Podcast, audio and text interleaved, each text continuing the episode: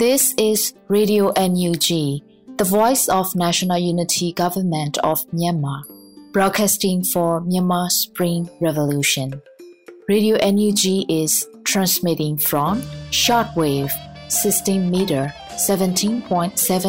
MHz at 8:30 a.m. and 25 meter 11.94 MHz at 8:30 p.m. Myanmar Standard Time မင်္ဂလာပါရှင်အမျိုးသားညီညွတ်ရေးအစိုးရရဲ့အတန်လွင့်ဌာန Radio NUG ကိုမနက်ပိုင်း၈နာရီခွဲမှာလိုင်းတူ16မီတာ19.89 MHz ညပိုင်း၈နာရီခွဲမှာလိုင်းတူ25မီတာ17.6 MHz တို့မှာဓာတ်ရိုက်ဖမ်းယူနားဆင်နိုင်ပါပြီ။မင်္ဂလာအပေါင်းနဲ့ပြည့်စုံကြပါစေ။အခုချိန်ကစပြီး Radio NUG အစီအစဉ်လေးကိုဓာတ်ရိုက်အတန်လွှင့်ပေးနေပါပြီ။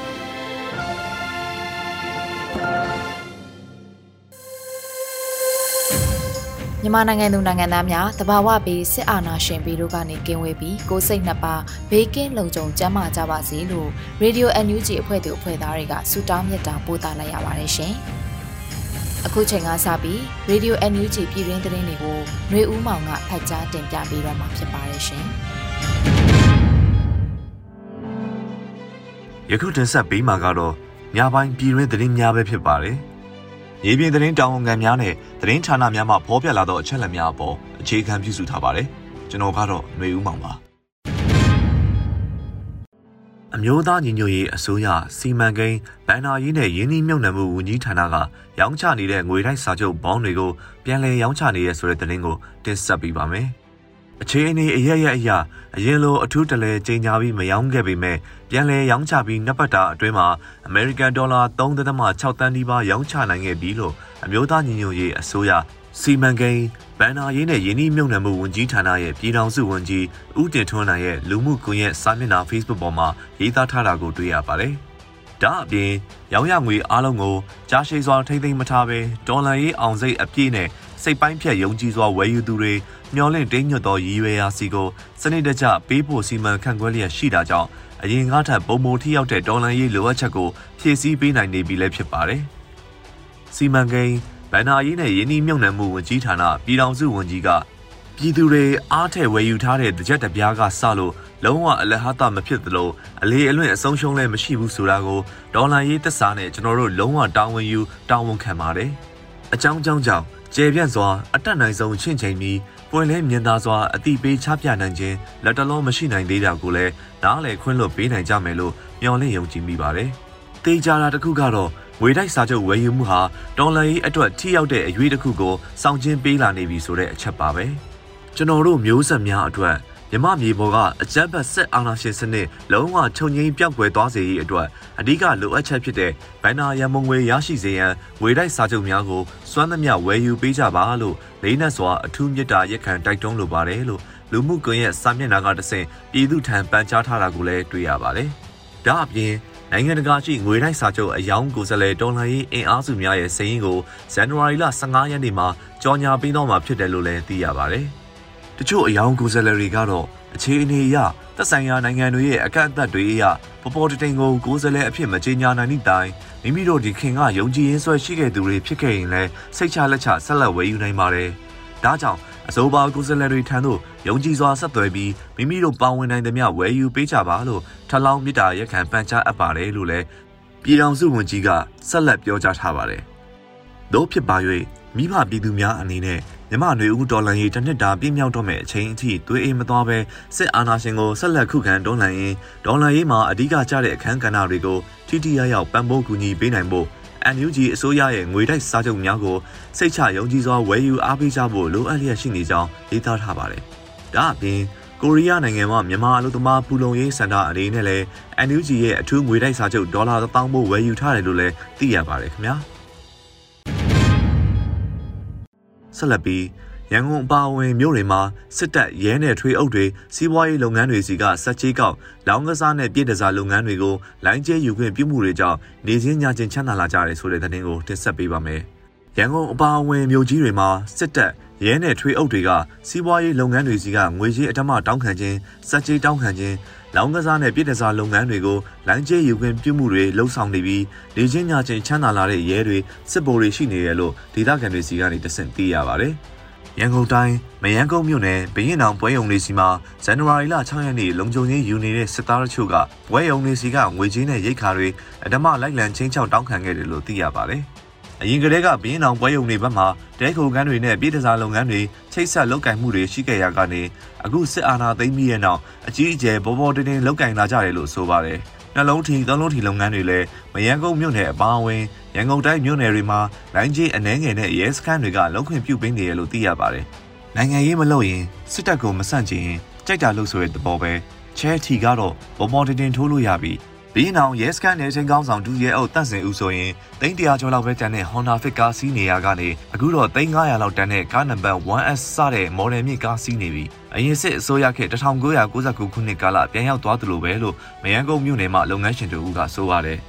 ရန်ကုန်တိုင်းလိုင်မြို့နယ်အတွင်းမှာရှိတဲ့သီရိမင်္ဂလာဈေးအပါအဝင်ဈေးတွေစီကကုံစိမ်းနဲ့ငွေကြေးတွေစစ်တပ်ကလူရက်အဓမ္မစက်ကြေးတောင်းခံမှုတွေရှိလာတယ်လို့ဈေးသည်တွေကဆိုပါတယ်။ ဒါအပြင်အေယာဝတီတိုင်းဇလွန်မြို့နယ်ပကွဲရေလဲအုပ်စုချမ်းတန်းရွာမှာလည်းစစ်ကောင်စီခန့်အုပ်ချုပ်ရေးမှူးဝင်းရွှေငွေသိန်းနဲ့နေထင်းရဲ့ကြော်သိန်းတို့ပူးပေါင်းပြီးအပတ်စဉ်ဗုဒ္ဓဦးနေတိုင်းလောင်ကစားဝိုင်းအာဝါရီပွဲတွေအကြီးအကျယ်ပြုလုပ်ပေးလျက်ရှိနေရလို့သိရပါတယ်။မန္တလေးတိုင်းပြည်ကြီးတကုံမြို့နယ်ငွေတော်ကြည်ကုန်းရက်ကွက်မှာလည်းစစ်ကောင်စီခန့်အုပ်ချုပ်ရေးမှူးကိုတင်စိုးဇန်အိမ်ကောင်းရာအိမ်မှုသိန်းွယ်ဖိုးဆန်း ပေါ်အောင်ညီညီတို့ဥဆောင်မှုနဲ့ရက်ခွက်အတွင်းလောင်းကစားဝိုင်းများပြုလုပ်ပေးခြင်းရဲတီလုပ်ငန်းတွေကိုလိုက်ကျဲယူခွင့်ပြုပေးနေရလို့လည်းသိရပါတယ်။အေယာဝတီတိုင်းဝါခေမမြို့နယ်တပြေချောင်းကျေးရွာမှာလည်းစစ်ကောင်စီခန့်အုပ်ချုပ်ရေးမှူးဦးဝိုင်းခေါ်တိန်တိုးလင်းကစစ်တပ်နဲ့ပူးပေါင်းပြီးကျေးရွာမှာရှိတဲ့ငါးဖမ်းတဲ့စစ်တပ်ရင်တစည်းကို16500ကျပ်စက်ကြီးကောက်ခံနေပါတယ်လို့သိရပါတယ်ခင်ဗျာ။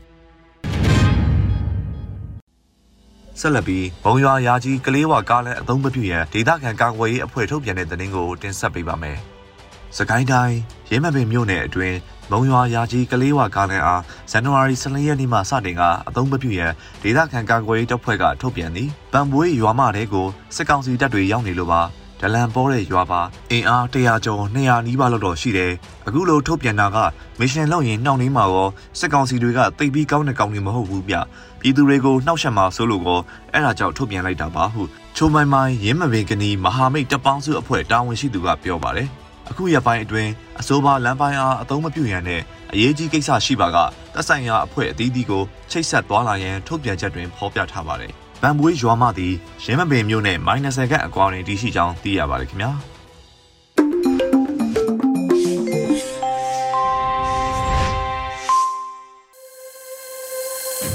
ဆက်လက်ပြီးအမျိုးသားညီညွတ်ရေးအစိုးရကာကွယ်ရေးဝန်ကြီးဌာနအတွင်းဝင်ဦးနိုင်ထူအောင်နဲ့ဆက်သွယ်မေးမြန်းချက်ကိုຫນွေဦးရွှေဝါကတင်ဆက်ပြီးတော့မှာဖြစ်ပါတယ်ရှင်။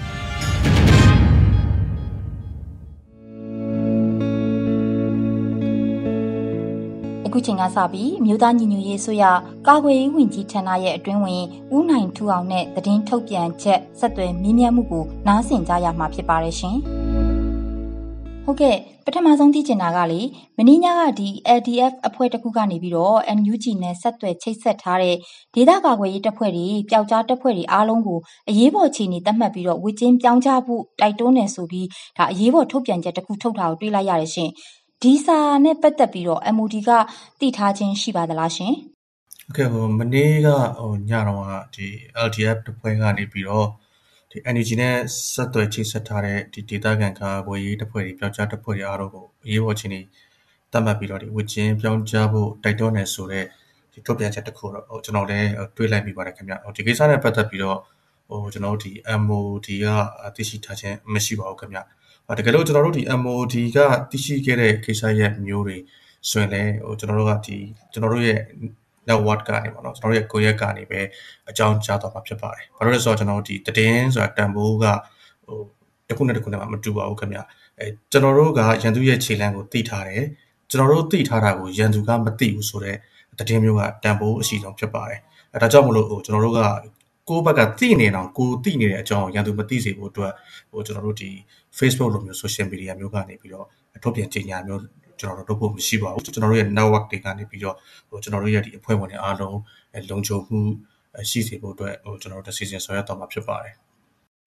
နောက်တစ်ခုကတော့ဟိုကျွန်တော်တို့ဒီလိုထုတ်ပြန်ကြေညာချက်တွေထုတ်ပြန်လိုက်တဲ့အခါမှာပေါ့နော်ဟိုကျွန်တော်တို့ဒီမလိုလားအပ်ဖန်နဲ့ဟိုစိုးရိမ်မှုတွေဖြစ်သွားပြီးတော့ဟိုတကယ်တော့ပေါ့နော်နေရာတွေရွှေ့လိုက်တာရွှေ့ရတာမျိုးဖြစ်တဲ့အခါမျိုးမှာရန်သူဘက်ကနေပြီးတော့ကျင်းပြီးသွားနိုင်တဲ့ကိစ္စတွေမျိုးတွေရှိပါတယ်ဒါကြောင့်ဒါမျိုးကိစ္စတွေအထူးသတိကြီးစွာနဲ့ ဆောင်ရွက်ပြီးတော့အထူးလေးဟိုအရေးကြီးတဲ့ကိစ္စတွေဖြစ်မှတ်ယူပြီးဆောင်ရွက်မှာဖြစ်ပါတယ်ခင်ဗျာဟုတ်ကဲ့နောက်တစ်ခုကလေဒီပြည်သူလူထုကလည်းပြည်သူခုခံတော်လှန်စစ်တွေဆင်နွှဲနေကြတယ်ပေါ့နော် PDF တွေ LDF တွေကိုတက်နိုင်တဲ့အနေအထားနဲ့ပေါ့တက်နိုင်တဲ့အားနဲ့ထောက်ပံ့နေတာရှိရရှင်ဒီလိုချိတ်ဆက်လူဒန်းတာတွေနဲ့ပတ်သက်ပြီးတော့ကာကွယ်ရေးဝန်ကြီးဌာနအနေနဲ့ဘယ်လိုသဘောထားရှိလဲရှင်ဒါလေးကိုလည်းသိချင်ပါတယ်ဟုတ်ကဲ့အဲကျွန်တော်တို့ဒီပြည်သူခုခံတော်လှန်စစ်ဆင်နွှဲနေတဲ့ဒီ PDF တွေ LDF တွေကိုဒီတက်နိုင်တဲ့အားနဲ့ ထောက်ပံ့နေတာကိုပြည်တွင်းကရောပြည်ပရောများစွာရှိပါတယ်ခင်ဗျ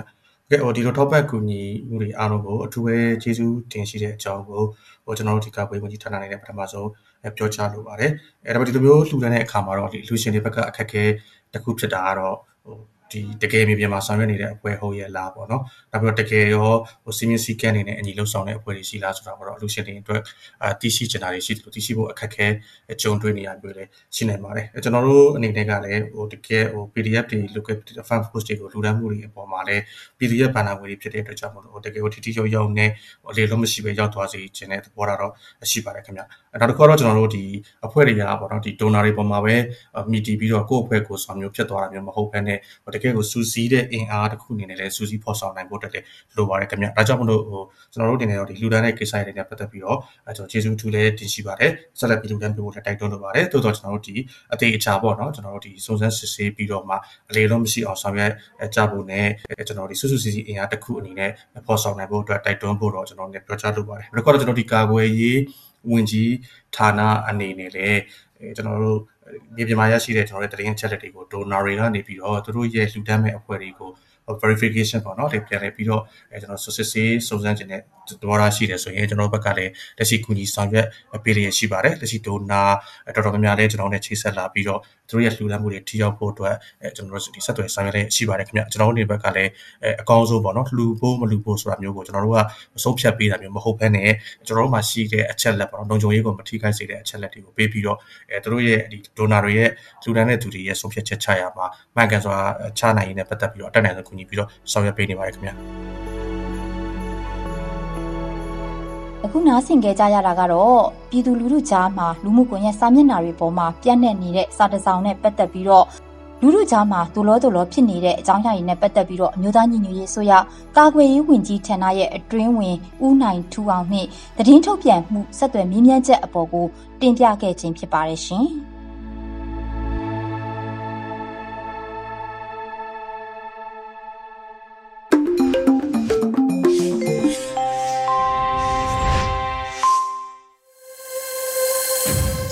Radio NUG မှာဆက်လက်အသံလွှင့်နေပါတယ်။တော်လန်ရေးကြပြအစီအစဉ်မှာ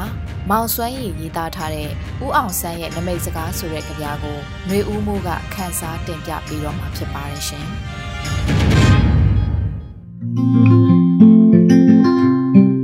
ဥအောင်ဆန်းရဲ့နမိတ်စကားကြားဘူးတော်ရှိ မကြားဘူးတော်ရှိသိအောင်တော့ပြောရအောင်မယ်။နှမတွေများတော့ရောက်ဖတွေများမယ်။ဒါကတဘာဝတရား ငါစကားပါရောက်ဖတွေကောင်းရင်တော်ရဲ့မကောင်းလို့ကြိမ်ဆဲနှမလည်းထိအောင်မယ်တပုံတွေများတော့လဲစစ်သားတွေများမယ်ဒါလည်းတဘာဝတရားငါစကားပါပဲစစ်သားတွေပူတော့စစ်ဘိုလ်တွေဖောင်းပွားမကောင်းလာဘူးပေါ့အောင်ဆန်းလို့စစ်ဘိုလ်ဆိုတော်လေရဲ့နေဝင်းလို့ဆိုရင်လူမျိုးပါနာမယ်ကျွန်းပင်တွေများရင်လဲရောက်ဖတွေများတတ်တယ်ကျွန်းကြောက်ကြုံဖြစ်မယ် ကြုံဖူးတယ်ဟုတ်ကြောက်မြက်ယရနာများတော့လေရောက်ဖတွေများတတ်တယ်ကြောက်ကြောက်ကြုံဖြစ်ပုံကြုံဘူးတယ်ဟုတ်ကြောက်မြန်းဆိုတာမျိုးဟာကန်ဆိုးတဲ့အခါခိုက်တတ်ပါတဲ့ကြောက်ဆိုတာကြောက်เสียတမျိုးပဲကြောက်ပေါက်နာစွဲရင်တော့တေရင်လဲတေးမတေးရင်တင့်မျက်နာကြောက်ပေါက်နာအမာရွတ်နဲ့ဝတ်ခံရမယ်ကြောက်တက်ရင်ဝန်ကင်းတဲ့ကြောက်ရင်လွဲရဲ မင်းဖြစ်တဲ့မင်းဖြစ်တာမသေးချာလို့သေတာလည်းရှိတယ်ဗျာတစ်တီတူတောက်တဲ့နဲ့တီကောင်းဆိုတာဗမာမှာပေါ်မှာပေါ်စနေနံ၃မျိုးကိုတို့လူမျိုးမကြိုက်ပေမဲ့တရုတ်တွေကြိုက်တဲ့ကလားကမဝယ်လဲတရုတ်ကဝယ်တဲ့ရေချိုရေငန်းနှစ်နိုင်ငံမြန်မာတွေပိုင်တဲ့ရေချိုရေငန်ပေါ်ရင်လဲရောက်ဖပေါ်တဲ့တဲတောင်မြစ်ချောင်းကလည်းကောင်းမှကောင်းပေါ်မှပေါ် ရောက်ဖပေါ်မဲ့နမိတ်တဘောတဲနဲ့ရေကိုရွှေလူရောင်းရတဲ့ရောက်ဖလောင်ရှာရင်စစ်ပူသာရှာပေရောစစ်ပူတွေရောင်းလို့တဲချောင်းဟာရွှေချောင်းဖြစ်တဲ့မင်းမှလည်းနှမနဲ့ငါမှလည်းနှမနဲ့သူ့မှလည်းနှမနဲ့ရောက်ဖကိုရောင်းလို့မရပေမဲ့ရောက်ဖကစစ်ပူဆိုရင်နှမကိုရောင်းရောင်းအမကိုရောင်းရောင်းရောင်းတိုင်းရလို့ရတိုင်းရောင်းတဲ့ ရောင်းရမှာတွန့်တော်ရင်ငါလိုကငါနိုင်ငံခြားဈေးကွက်မှာမြန်မာမတွေဈေးရတဲ့တို့အစိုးရရဲ့ပမထွက်ကုန်ဂုံယူစရာတပါစပားနဲ့မချပဒံများနဲ့လည်းမချနွားနဲ့လည်းမချဘူးပေါ့ဥအောင်ဆန်းရဲ့ရွှေပါဇက်နမိတ်ဖတ်ခဲ့ပါတော့ကောနောက်အခါနှစ်ပေါင်း20ကြာရင်ဗမာနိုင်ငံဟာဘာနိုင်ငံဖြစ်မတဲ့လေခုအခါနှစ်ပေါင်း20ကြာတာ နှခါမကသုံးခါတောင်ကြပေါ့တို့ကောင်းဆောင်ကြီးပြောခဲ့တာဒီတခါလွဲပေါ်လို့ပြောရဲရင်ပြောရပေါ့မင်းမိုးကြိုးပြစ်မယ်ဘာဖြစ်ကုန်ပြီလဲဖာဖြစ်ကုန်ပြီပဲ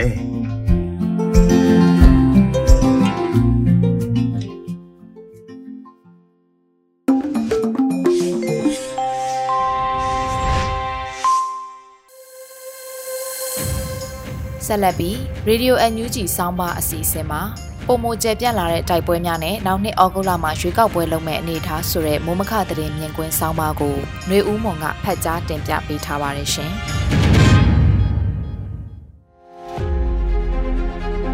ပုံမကျပြန့်လာတဲ့တိုက်ပွဲများနဲ့နောက်နှစ်ဩဂုတ်လမှာရွေးကောက်ပွဲလုပ်မယ်ဆိုတဲ့အနေအထားမြန်မာနိုင်ငံရဲ့သတင်းတွေကိုဖတ်ရှုလိုက်ရင်တိုက်ပွဲတွေပြစ်ခတ်မှုတွေမိုင်းထောင်မှုတွေ စစ်ဘေးရှောင်တွေရက်သားတွေကိုလက်နက်ကိုင်းအဖွဲ့တွေလို့ဆွဆွဲချက်တန်တရားနဲ့ပြစ်တက်တာညှဉ်းပန်းနှိပ်စက်ပြီးသေဆုံးရတဲ့တဲ့ရင်တွေနေအိမ်တွေမိရှို့ခံရတဲ့တဲ့ရင်ဖန်စီတရားစွဲခံရတဲ့တဲ့ရင်သတင်းပေးဒလန်လို့ယူဆတဲ့သူတန်တရားဖြစ်ခံရသူတွေကိုလောက်ကျန်တက်ဖြတ်တဲ့သတင်းတွေက နေ့စဉ်သတင်းတွေတပွဲဖြစ်နေတာပါဒုတိယအသက်သေးဆုံးတဲ့သတင်းကစိတ်ဝင်စားစရာသတင်းမဟုတ်တော့ပါဘူး လက်နက်ကိုင်းတပ်ဖွဲ့အချင်းချင်းတိုက်ခိုက်လို့၃-၄ယောက်သေတယ်ဆိုတဲ့သတင်းတွေကလည်းသတင်းမဟုတ်တော့ပါဘူးတိုက်ပွဲတွေမှာလက်နက်ကိုင်းတပ်ဖွဲ့တွေအယောက်20သေတယ်အယောက်30သေတယ်ဆိုတာလည်းသတင်းကြီးမဟုတ်တော့တယ်လို့ဖြစ်လာပါတယ်လက်နက်ကိုင်းတိုက်ပွဲတွေမှာဘလောက်သေးတယ်ဆိုတာဘယ်သူမှစီစစ်ဖို့မဖြစ်နိုင်တာမို့တိုက်ပွဲသတင်းတွေကိုထုတ်ပြန်ချက်တွေပေါ်မှာသာအမိပြုရေးသားဖော်ပြကြတာမို့အလေးမထားတာလည်းဖြစ်နိုင်ပါတယ်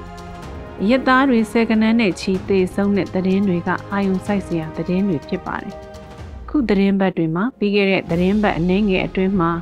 ဖရူဆိုအမအရက်သား30ကျော်40နီးပါးတပ်ဖြတ်ခံရပြီးမီးရှို့ခံရတဲ့သတင်းမတူပီမှာအရက်သား17ဦးထပ်မံတပ်ဖြတ်ခံရတဲ့သတင်းလိုမျိုးကတော့ဖြတ်တန်းကြားသတင်းကောင်းစင်တွေမှာရှိနေပြီးအာယုံစိုက်ခံရတဲ့သတင်းတွေဖြစ်ပါတယ်။ ဒီလိုဖြစ်ပျက်တွေပေါ်မူတည်ပြီး UNOCHA ကဒီနေ့ထုတ်ပြန်တဲ့ထုတ်ပြန်ချက်မှာလက်နက်ကိုင်အဖွဲ့အစည်းအားလုံးအနေနဲ့ရက်သားတွေကိုအကာအကွယ်ပေးဖို့တိုက်တွန်းလိုက်တဲ့ဆိုတဲ့ထုတ်ပြန်ချက်ဖြစ်ပါတယ်။ထူးသဖြင့်စစ်ကောင်စီလက်နက်ကင်တပ်တွေကိုရည်ညွှန်းပြောဆိုတာဖြစ်ပါတယ်။သို့တော်လည်းလက်နက်ကင်ထားတဲ့အဖွဲ့အစည်းတွေအနေနဲ့ဘယ်အဖွဲ့မဆိုမိမိတို့ကိုထောက်ခံခြင်းမထောက်ခံခြင်းကြောင့်ရက်သားတွေကိုဖမ်းဆီးနှိပ်စက်တပ်ဖြတ်ထားတွေမလုပ်ဖို့ ရက်သားတွေနေထိုင်နေကြတဲ့ဧရိယာတွေမှာတိုက်ခိုက်တာမျိုးမလုပ်ဖို့ရည်ညွှန်းပြောဆိုတာလို့နားလည်ရပါတယ်။ခုသတင်းပတ်တွေမှာတိုက်ပွဲတွေပိုကျပြန်လာဇက်တိုက်ဆိုသလိုဖြစ်လာနေတာကကရားပြည်နယ်ကရင်ပြည်နယ်ဖြစ်ပါတယ်။ဒီဒေသတွေကိုအထူးသဖြင့်ရည်ညွှန်းပြောဆိုတာလည်းဖြစ်ပါတယ်။တိုင်းသားဒေသတွေမြန်မာနိုင်ငံအထက်ပိုင်းသကိုင်းတိုင်းတွေကဒေသတွေမှာတိုက်ပွဲတွေတက်ပြက်ခံရမှုတွေတိမ်ရှောင်ရမှုတွေဇက်တိုက်ဆိုသလိုဖြစ်ပွားနေတော့လဲ ရန်ကုန်မန္တလေးနေပြည်တော်လိုမြို့တွေမှာတော့အသွားအလာပုံမှန်သက်ဖွဲသွားလာနေကြရတာတွေ့ရမှာဖြစ်ပါတယ်။စီးပွားရေးလေပတ်မှုအရအသက်မွေးမှုအရလုပ်ငန်းတွေကိုလည်းပတ်အောင်ဒီလိုစစ်ပွဲတွေဟိုနားတင်နာဖြစ်နေတဲ့အောက်မှာပဲလှုပ်ဆောင်နေကြတာမျိုးလည်းဖြစ်ပါတယ်။ရန်ကုန်မြို့ရဲ့နေ့စဉ်မြင်ကွင်းကိုကြည့်ရင်မိုးလင်း၄နာရီနောက်ပိုင်းခရီးသွားမဲ့သူတွေကုံစိမ့်စီသားငါးစီသွားကြမဲ့ဈေးကားတွေရဲ့အတန်ဆကြရပြီး နနက်9နာရီနောက်ပိုင်းမှာအလုတ်သွားတဲ့သူတွေစတင်သွားလာကြပြီဖြစ်ပါတယ်ညဘက်မှာညမထွက်ရအမိန်ကြောင့်နဲ့ညပိုင်းသွားလာရတာကအနေရများတာကြောင့်ရုံးအလုတ်စင်းချိန်တွေကညနေ၄နာရီလောက်ကိုသတ်မှတ်ထားကြပြီးနနက်၈နာရီလောက်စတင်ကြတာကြောင့်အလုတ်စောစောသွားပြီးစောစောပြန်ကြတဲ့သဘောဖြစ်ပါတယ်။စစ်အာဏာမသိမ်းမီကိုဗစ်ကန့်သက်ချက်တွေမထုတ်မီခါတိုင်းကားကြက်ချိန်နနက်၈နာရီခွဲ10နာရီခွဲဖြစ်ခဲ့ပေမဲ့အ ခုတော့နနက်၈နာရီမထိုးခင်ကလေးကကားစာတင်ကျက်နေပြီနေကင်းတစ်နေ့လုံးလဲရင်ကြောကြက်တာကသိမလျော့သွားပဲညနေ၄နာရီနောက်ပိုင်းမှာမြို့လေကနေမြို့စင်ကြေပုံတွေကိုထွက်တဲ့လမ်းတွေမှာပြန်ပြီးရင်ကြောကြက်လေရှိတာတွေ့ရပါတယ်။နေမြို့အချို့မှာနေထိုင်ကြသူတွေအနေနဲ့အသက်ဘေးလွတ်ဖို့ပိုင်ဆိုင်မှုတွေကိုထားရပြီးမြို့ကိုစွန့်ခွာတိမ်းရှောင်နေရချိန်မှာရန်ကုန်မြို့မန္တလေးမြို့တို့မှာနေသူတွေကတော့ ပုံမှန်တိုင်းလှုပ်ရှားသွားလာနေကြတာလို့ယူဆစရာလည်းရှိပါတယ်။စစ်မီးကရန်ကုန်မန္တလေးမြို့တွေအထိပြည့်နှက်မလာသေးတာကြောင့်လဲရန်ကုန်မန္တလေးမြို့မှာနေထိုင်သူတွေအနေနဲ့စီးပွားရေးအသက်မွေးဝမ်းကြောင်းကိစ္စတွေမှာလဲပတ်နေကြတဲ့သဘောလေးဖြစ်ပါတယ်။အရင်နှစ်အခုလိုကာလမှာအေဂျင့်စွာလောက်ကင်စားတောက်နေထိုင်နိုင်ခဲ့ကြပေမဲ့တစ်နှစ်အကြာမှာဘဝတွေကအရင်အခြေအနေနဲ့ပြောင်းပြန်ဖြစ်ပြီး စစ်ဆောင်စခန်းမှာနေထိုင်နေကြရတဲ့အနေအထားဖြစ်နေကြတာလည်းဖြစ်ပါတယ်။အခုအချိန်မှာရန်ကုန်မန္တလေးမြို့တွေကပုံမှန်နေထားလို့အပြင်းမဲ့မြင်ရတဲ့သဘောလေပတ်လှုပ်ရှားနေကြပေမဲ့နောက်တစ်နှစ်အကြာမှာဘလို့အခြေအနေမျိုးဖြစ်မလဲဆိုတာဘယ်သူမှမခံမှန်းနိုင်သေးဘူးလို့ပဲဆိုရမယ်ထင်ပါတယ်။ဒီနေ့သတင်းတွေထဲမှာစိတ်ဝင်စားစရာခေါင်းစဉ်တချို့ကတော့ ICJ လို့ခေါ်တဲ့နိုင်ငံတကာတရားရုံးမှာ2019ခုနှစ်ရိုဟင်ဂျာတွေကို လူမျိုးတုံးတပ်ဖြတ်မှုနဲ့ပတ်သက်လို့ဂမ်ဘီယာနိုင်ငံကတရလိုလှုပ်ရှောက်ထားတဲ့အမှုမှာမြန်မာနိုင်ငံအစိုးရဘက်ကအရင်ဦးဆောင်ခုခံခဲ့သူဒေါ်အောင်ဆန်းစုကြည်ကိုအမိကနေဖယ်ထုတ်ခဲ့ပြီးလက်ရှိအစိုးရနေရာကိုဝင်ယူထားသူစစ်ကောင်စီကခုခံခြေပလိမ့်မယ်ဆိုတဲ့သတင်းဒေါ်အောင်ဆန်းစုကြည်ကိုပဲမြန်မာနိုင်ငံထဲကစစ်ကောင်စီထိန်းချုပ်ထားတဲ့တရားရုံးတွေမှာအဂရိလိုက်စားမှုပုံမှန်နဲ့အမှုတွေထပ်တိုးဖွင့်လိုက်တဲ့သတင်း ဒီလုံရဟာဒေါန်ဆန်းစုကြည်ကိုမြမနိုင်ငံရေးကနေအပီးတိုင်ဖယ်ရှားဖို့စစ်ကောင်စီရဲ့ကြိုးပမ်းမှုဖြစ်နိုင်ငံတကာအစိုးရအချို့ကရှုမြင်ကြတဲ့သတင်းတွေဖြစ်ပါတယ်။ဒီနေ့လုပ်တဲ့စစ်ကောင်စီသတင်းစာရှင်းလင်းပွဲမှာနွေမာလာလင်ကဖမ်းဆီးခံလိုက်ရတဲ့ဖြိုးစရာတော်ရဲ့မှတ်စုစာအုပ်ပါအချက်အလက်တွေသူ့ရဲ့ကိုယ်တိုင်ထွက်ဆိုချက်ဗီဒီယိုတွေကိုဖွင့်ပြခဲ့တယ်လို့ဆိုပါတယ်။ဒါအပြင်နောက်နှစ်အောက်တိုဘာမှာရွေးကောက်ပွဲလုပ်မယ်လို့လည်းထပ်မံပြောဆိုခဲ့တယ်ဆိုတဲ့သတင်းတွေက ဒီနေ့သတင်းတွေထဲစိတ်ဝင်စားစရာသတင်းတွေဖြစ်ပါလိမ့်မယ်ရှင်။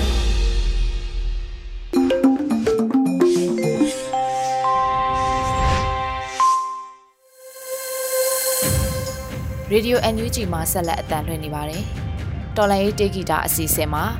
ဤကဲရေးသားဆက်ဆိုထားတဲ့လိပ်ပြလုံးရဲလားဆိုတဲ့ဒေသချင်းကိုနားဆင်ကြရမှာဖြစ်ပါတယ်ရှင်။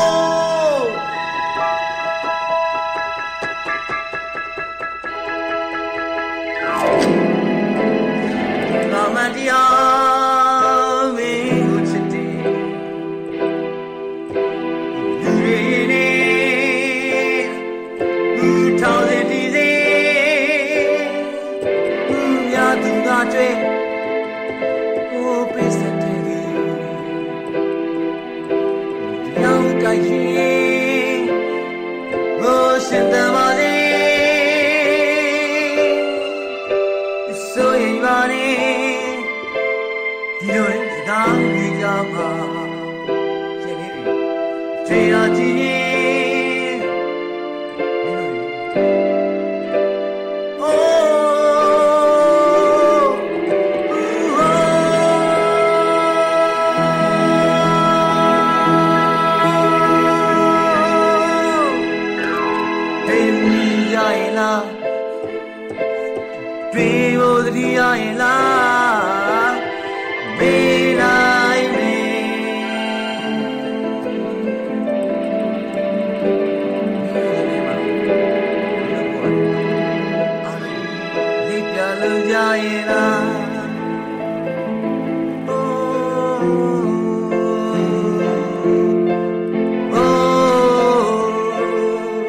Oh.